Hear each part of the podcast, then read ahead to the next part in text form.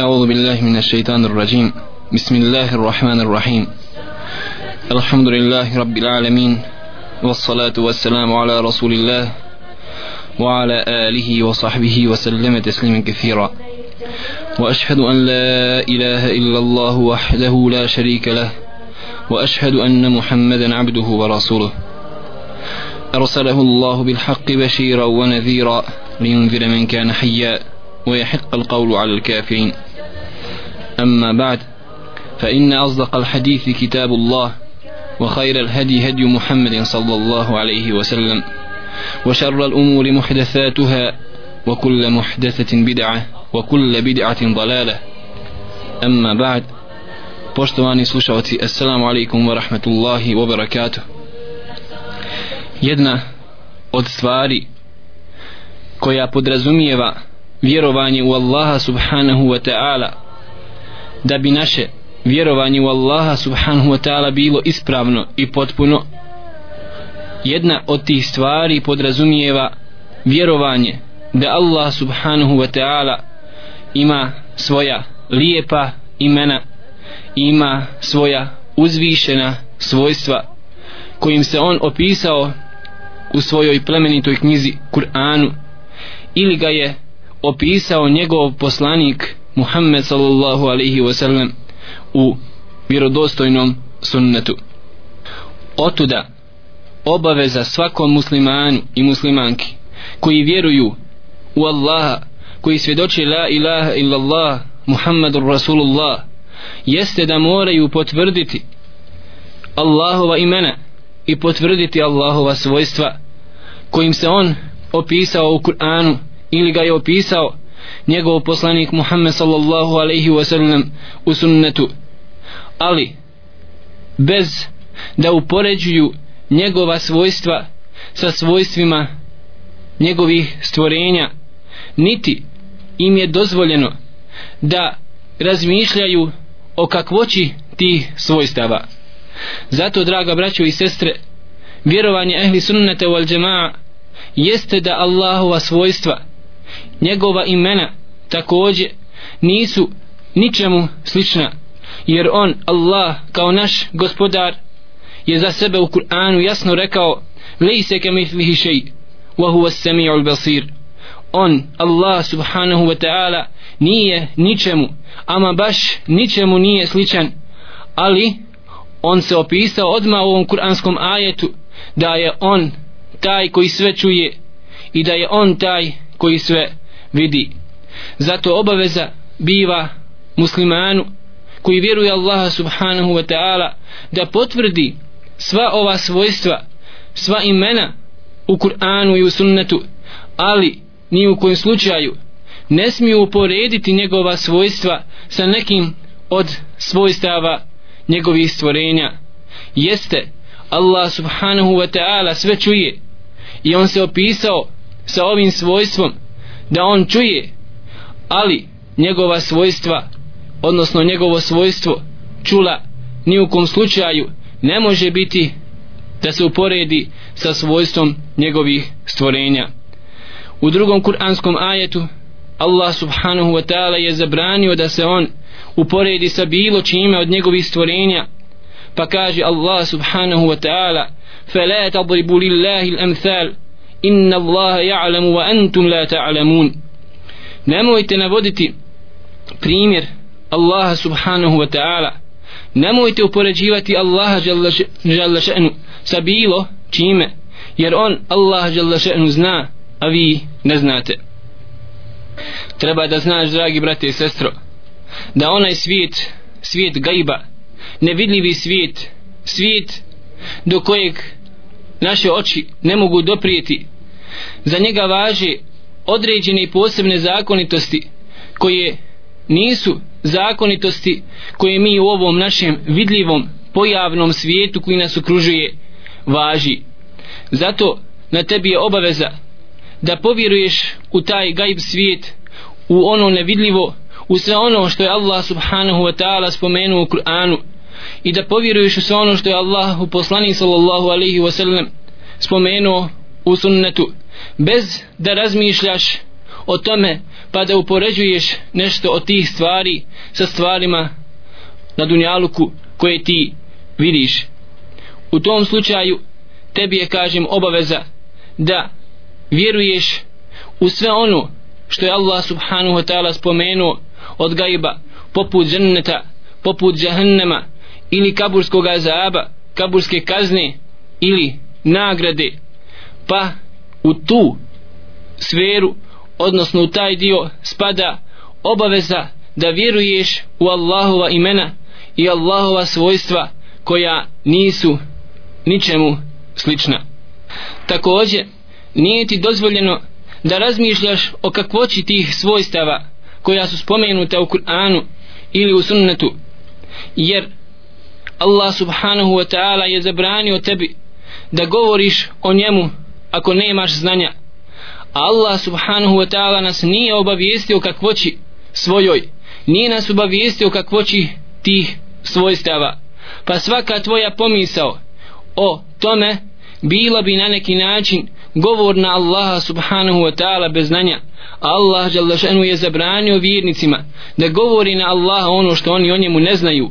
Pa kaže Allah šanu وَلَا تَقْفُ ma لَيْسَ لَكَ bihi ilm nemoj govoriti ono što ti ne znaš i Allah subhanahu wa ta'ala je strogo strogo zabranio da se govori o Allahu subhanahu wa ta'ala bez znanja do te mjeri da je usporedio govor na Allaha bez znanja sa širkom Allahu subhanahu wa ta'ala pa kaže Allah jalla ša'nu u suri Al-A'raf قل إنما حرم ربي الفواحش ما ظهر منها وما بطن كاجي الله سبحانه وتعالى محمد صلى الله عليه وسلم رسي هو محمد رسي موي gospodar je zabranio sve što god je ružno i na kraju Allah subhanahu wa ta'ala u ovome kuranskom ajetu spominje وأن تشركوا بالله ما لم ينزل به سلطانا i da učinite širk Allahu subhanahu wa ta'ala i to vam je zabranjeno wa an taqulu ala Allahi ma la ta'lamun i da kažete na Allaha ono što vi ne znate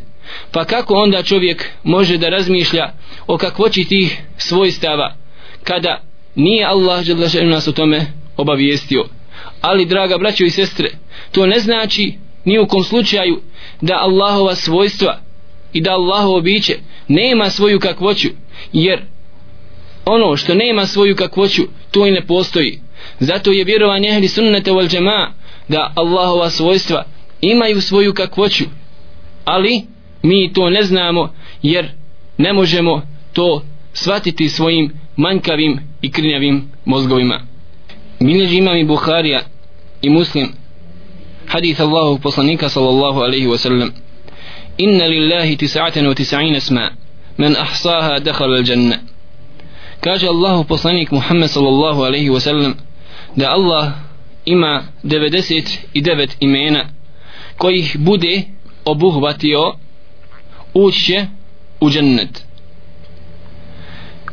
Ovo draga braćo i sestre ne znači da je sa ovim brojem sa 99 imena obuhvaćeno odnosno ograničen broj imena Allaha subhanahu wa ta'ala. Ne.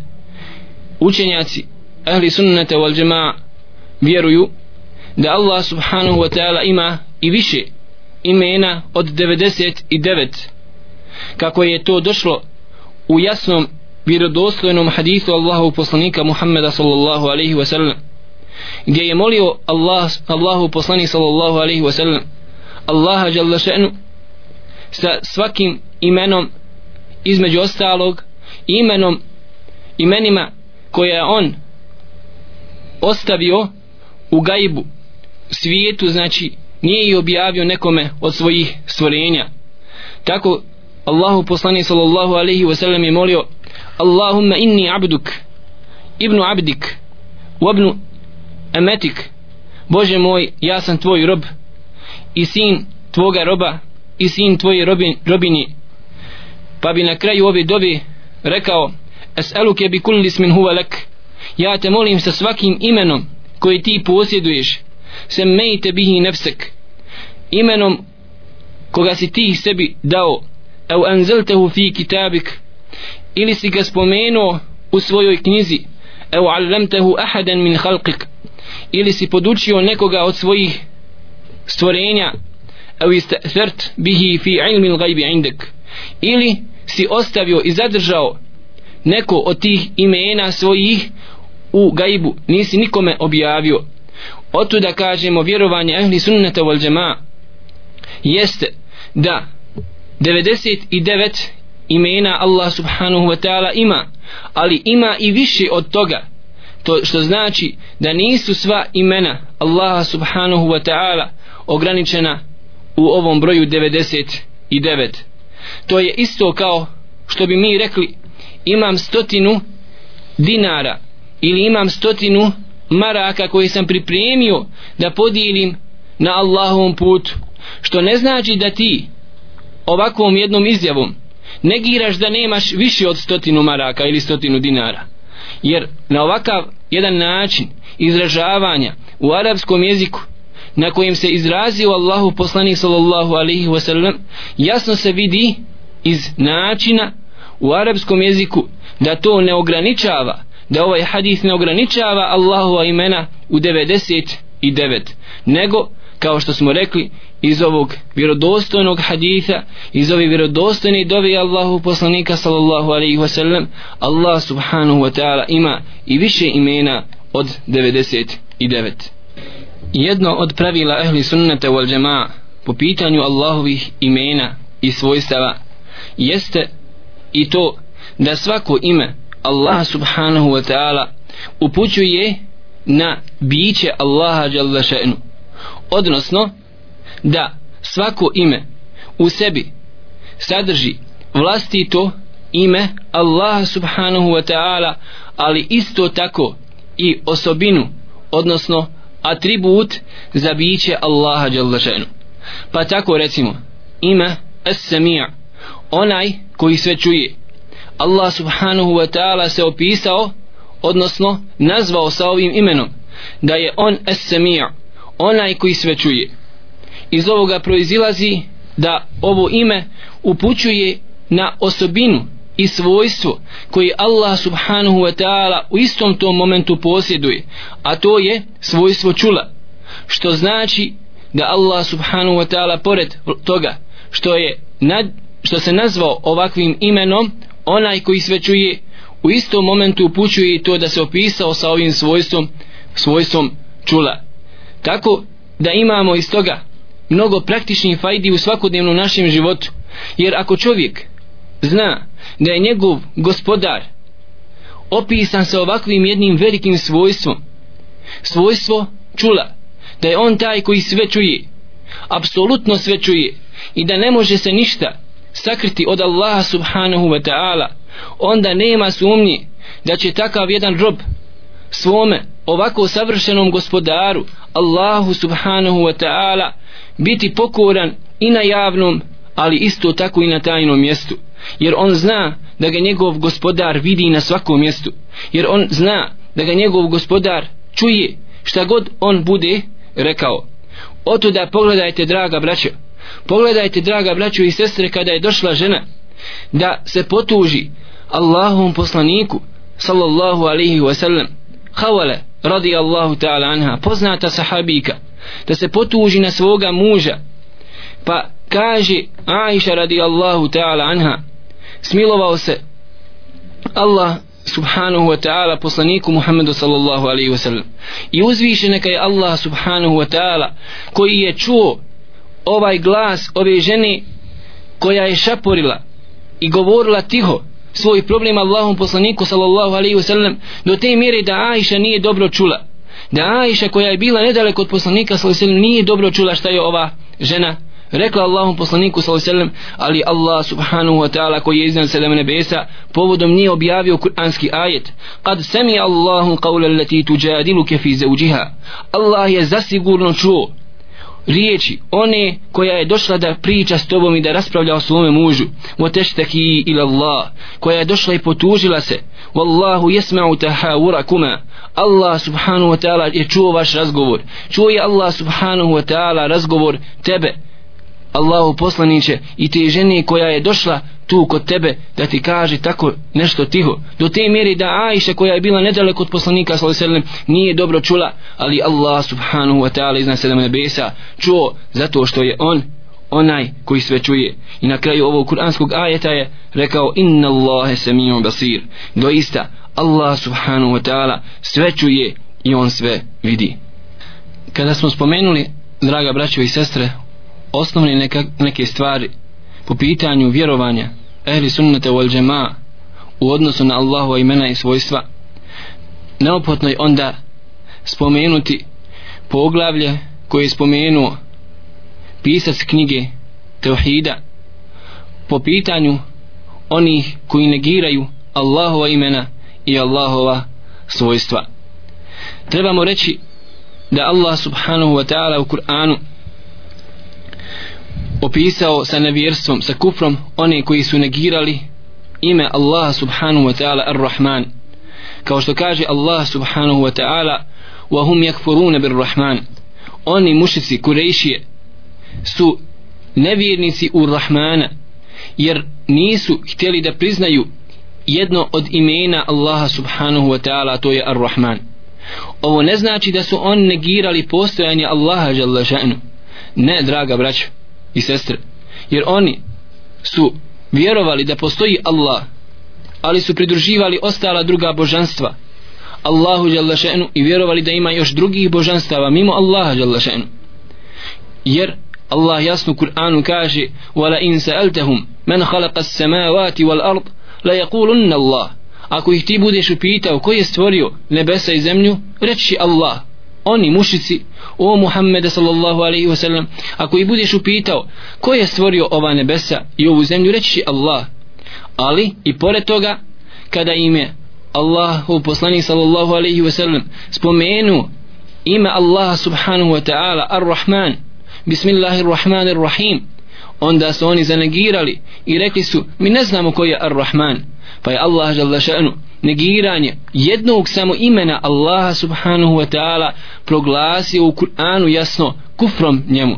Zato čovjek ne smije ni u kom slučaju da zanegira bilo koje ime ili svojstvo Allahu subhanahu wa ta'ala. Po pitanju ove problematike spomenuo imam Buharija hadith koji govori o sporazumu između muslimana na Hudejbiji i mušrika. Kada je došao Suhejl ibn Amr kod Allahu poslanika sallallahu na Hudejbiji da potpiše sa njim sporazum pa je rekao Allahu poslanik sallallahu pisaru a u drugoj predaji spominje se da je to bio Ali ibn Abi Talib radijallahu ta'ala koji je počeo da piše sporazum i tačke ugovora i primirja između muslimana i mušrika. Pa je rekao Allahu poslanik sallallahu alaihi wa sallam Ali ibn Abi Talibu uktu bismillahirrahmanirrahim napiši u ime Allaha ar-Rahman znači Allaha koji takođe zove ima ime Ar-Rahman i Ar-Rahim milostivog i samilosnog. Pa je rekao Suhejl Mar Rahman? A ko je kaže to Ar-Rahman? Fa wallahi ma adri ma hije walakin uktu bismil, bismillahumma i onda je rekao Suhejl ibn Amr tako mi Allaha ja ne znam koji je Ar-Rahman. Nikad za takvo nešto nisam čuo nego piši u ime Allaha. Na ovakav jedan način mi vidimo da su mušici znači priznavali postojanje Allaha subhanahu wa ta'ala. Čak su vjerovali da je on stvorio i nebesa i zemlju. Ali kada je u pitanju ibadet Allahu subhanahu wa ta'ala su negirali da ibadet mora biti isključivo samo njemu i to je bio dovoljan razlog da i Allah subhanahu wa ta'ala proglasi nevjernicima. Kao što je bio dovoljan razlog da ovim negiranjem jednog samo imena Allaha subhanahu wa ta'ala Allah i proglasi nevjernicima.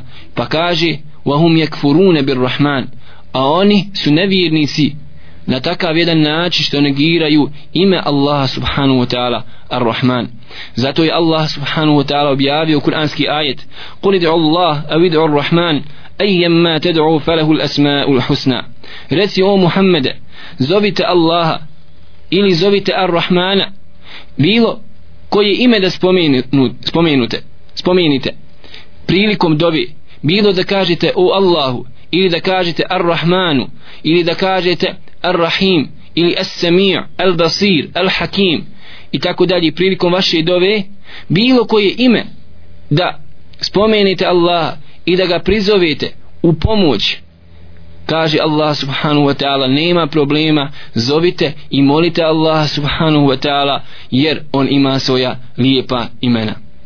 Oto da draga braćo i sestre kada se pojavilo među ummetom Muhammeda sallallahu alaihi wa sallam neki neki ljudi koji su počeli negirati neka Allahova imena i svojstva naišle su na veliku takve ličnosti naišle su na veliku kritiku i opiranje od islamskih učenjaka pa čak i od islamskih halifa u islamskim državama.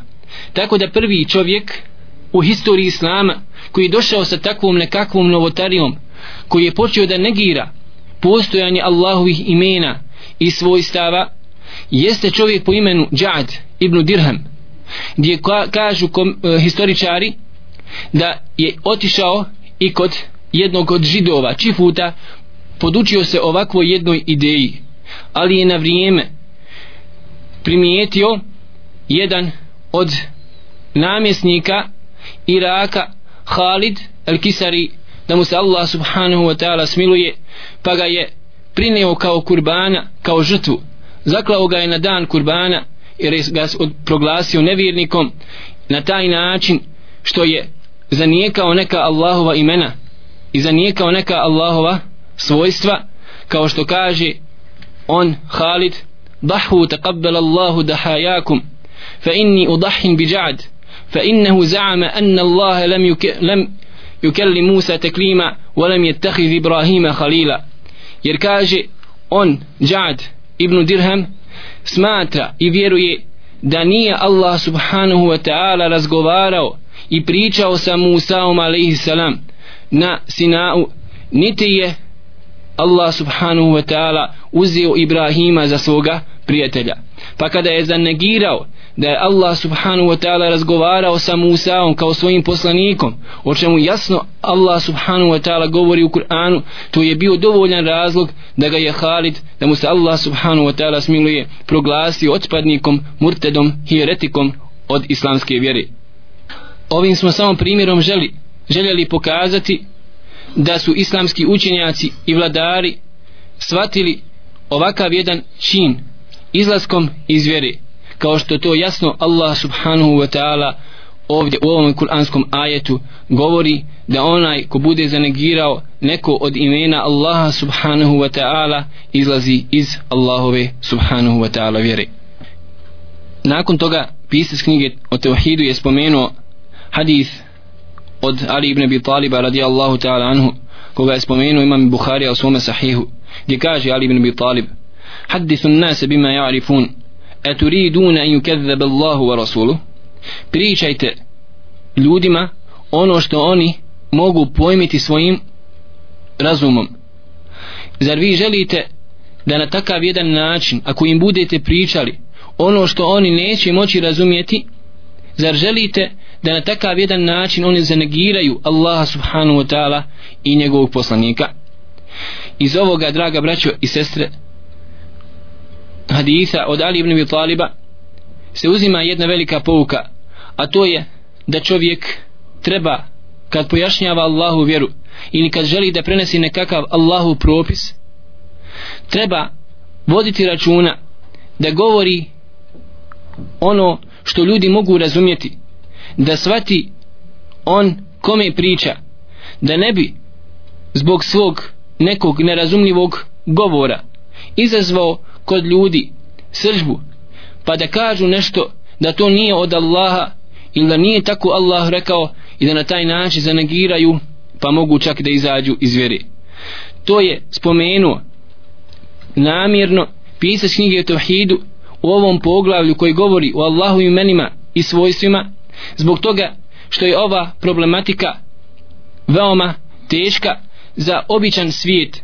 Pa u tom kontekstu čovjek treba da vjeruje u sve ono što je Allah subhanahu wa ta'ala objavio u Kur'anu i sve ono što je Allahu poslani sallallahu alaihi wa sallam spomenuo u sunnetu općenito.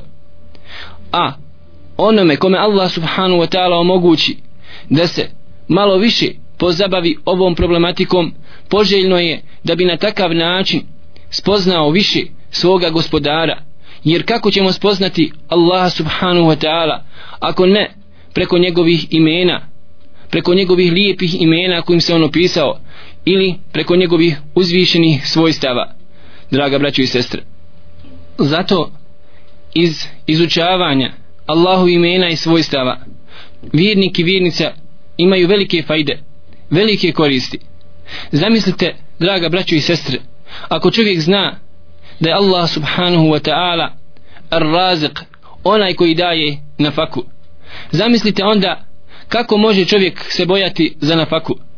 Kako se može prepasti da mu možda Allah subhanahu wa ta'ala neće dati nafaku ili da će ostati siromašan?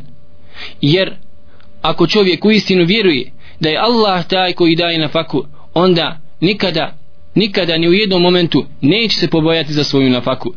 Jer Allah subhanahu wa ta'ala je taj koji daje nafaku i ljudima pa čak i životinjama kako kaže Allah subhanahu wa ta'ala وَمَا مِن دَابَّةٍ فِي الْأَرْضِ إِلَّا عَلَى اللَّهِ رِزْقُهَا وَيَعْلَمُ مُسْتَقَرَّهَا وَمُسْتَوْدَعَهَا nema ni jedne životinje na dunjaluku a da nije na Allahu subhanahu wa ta'ala njena nafaka i njena obskrba pa misliš li čovječe da će tebe Allah subhanahu wa ta'ala ostaviti bez nafake misliš li da onaj ko neće ostaviti životinju bez nafake misliš li da će tebe čovjeka sina Adamovog koga, koga Allah subhanahu wa ta'ala odlikovao i počastio ostaviti bez nafake.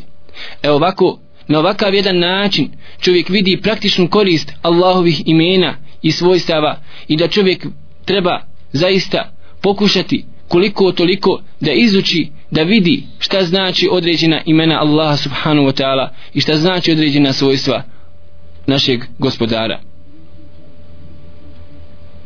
Drugi primjer draga braćo i sestre Allah subhanahu wa ta'ala se opisao da je on el hakim da je on savršeno mudar.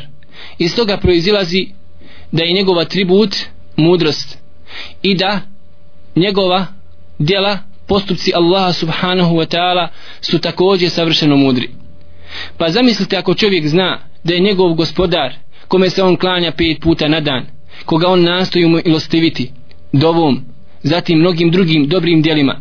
Zamislite onda kada mu se desi neko loše djelo u životu onda nema sumnje da takav jedan iskren rob ili robinja Allaha subhanahu wa ta'ala koji vjeruju da je njihov gospodar mudar znaju da svaki postupak i svaki događaj u njihovom životu ima svoju mudrost da on nije tek tako bez veze došao. Znaju da ima nešto iza toga i pokušavaju da se strpe u svakoj nedaći, u svakom iskušenju, jer znaju da i njihov gospodar neće ostaviti. Znaju da je taj postupak savršen od Allaha subhanahu wa ta'ala, da ima određenu mudrost, da ima određenu svrhu. I ovako čovjek vjernik i vjernica prepoznaju u svakodnevnom životu Allahova imena i Allahova svojstva oko njih kada im se desi određeni događaji. Molim uzvišnog Allaha subhanahu wa ta'ala da pomogne muslimane na ibadetu u obožavanju u zikru Allahu subhanahu wa ta'ala sa tespihom, sa tekbirom u ovim odabranim danima danima prvih deset dana Zulhidžeta.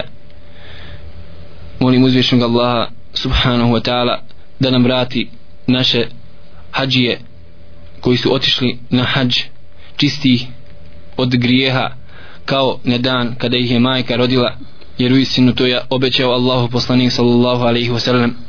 Men hađe walam jefsuq walam jerfuth rađa'aka jevmi veledathu ummu da onaj hađija koji bude obavio hađ bez griješenja bez činjenja nekakvih harama i praznog govora da će se vratiti sa hađa kao na dan kada ga je majka rodila. A s druge strane molim uzvišnog Allaha subhanahu wa ta'ala da primi žrtve kurbane koje će prinijeti muslimani u čitavom svijetu a i mi ovdje kao jedan dio ummeta Muhammeda sallallahu alaihi wa sallam. Sve su ovo draga braćo i sestre znamenja preko kojih čovjek veliča svoga gospodara. Pogledajte samo jedan namaz kada čovjek hoće da klanja kada započne njegov namaz nije ispravan dok ne bude rekao tekbiretul ihram početni tekbir Allahu akbar. Pa ide na pregibanje pa kaže Allahu akbar. Pa na seždu vraća seždi. zatim pogledajte hađ kao ruk islama također gdje imate telbiju gdje se samo hoće Allah subhanahu wa ta'ala da veliča u toj telbi lebejk Allahumma lebejk lebejk la šarike leke lebejk innal alhamda wan ni'mata leke wal mulk la šarike lek gdje čovjek odaziva se Allahu subhanahu wa ta'ala veliča ga sa tekbirom sa tesbihom i tako dalje. Pogledaj također u ovim danima jedno od najboljih dijela zikr Allahu subhanahu wa ta'ala jeste također tahmid da čovjek kaže alhamdulillah također tekbir i tesbih da kaže Allahu akbar da kaže subhanallah. Do te mjeri da je propisan on po, uh, tek, uh, da je propisan tekbir u danima jamu tešrik gdje je Ibn Abbas radijallahu ta'ala anhuma znao izaći na ulicu Medine ili po mini po putevima mine i učiti tekbir do te mjere da bi muslimani učestovali zajedno sa njim učeći tekbire donoseći tekbire na Allaha subhanahu wa ta'ala veličajući Allaha subhanahu wa ta'ala da su se znala brda tresti na mini na ovakav jedan način čovjek crpi jednu veliku pouku i poruku a to je draga braćo i sestre da je cilj našeg bivanja ovdje na Dunjaluku da moramo samo obožavati i veličati našeg Allaha subhanahu wa ta'ala našeg gospodara. I to najzad najzad svaki dan pet puta u toku dana i noći mu jezin, po, mu jezin poziva sa mina, munare i govori Allahu akbar, Allahu akbar, Allahu akbar, Allahu akbar. Zatim i kamet i mnogi drugi prizori gdje čovjek svakodnevno svakodnevno i na svakom mjestu vidi da hoće Allah subhanahu wa ta'ala samo da se on što je da njegova riječ bude gornja jer ovo je Allahova zemlja u njoj se mora on Allah subhanahu wa ta'ala veličati i on Allah subhanahu wa ta'ala obožavati pa molim Allah subhanahu wa ta'ala zaista da budemo od oni koji će ispoštovati ovu svoju misiju ovdje na dunjaluku da obožavaju Allaha i da budemo od oni koji će umrijeti samo kao muslimani kako je to najzad Allah subhanahu wa ta'ala naredio vjernicima. Wala tamutunna illa wa antum muslimun. Nemojte umirati nikako drugačije osim kao muslimani. I to je bila oporuka koju je Jakub alaihi salam ostavio svojim sinovima kao kaže Allah subhanahu wa ta'ala am kuntum shuhada id hadara Jakub al maut id qala li bani ma ta'buduna min ba'di?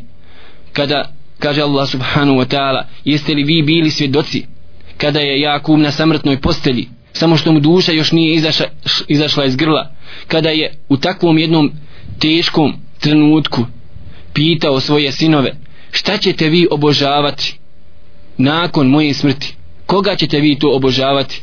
Pa su rekli obožavat ćemo Allaha subhanahu wa ta'ala tvoga gospodara i gospodara Ibrahima i Ishaka na ovakav jedan način draga braćo i sestre podučavali su nas poslanici da moramo ovdje na ovom dunjaluku biti muslimani jer u pitanju je vječnost. U pitanju je džennet ko, u koji ne može ući niko osim musliman a u pitanju je draga braćo džahnem koga Allah subhanahu wa ta'ala zagarantovao nevjernicima koji nisu muslimani otuda čovjek kažem vjernik i vjernica u ovakvim danima nastoji da ispuštuju svoju misiju da obožavaju samo Allaha subhanahu wa ta'ala i to je ono što, za što je Allah šanu najzad i stvorio ovdje na ovom dunjaluku وَمَا خَلَقْتُ الْجِنَّ وَالْإِنسَ إِلَّا لِيَعْبُدُونَ i nisam stvorio ni džinne ni ljude ni za što drugo nego da me obožavaju molim uzvišnog Allaha subhanahu wa ta'ala da nas usmrti kao muslimane i da nas proživi kao muslimane i da uđemo sa našim Muhammedom sallallahu alaihi wa sallam i ostalim poslanicima u džennet.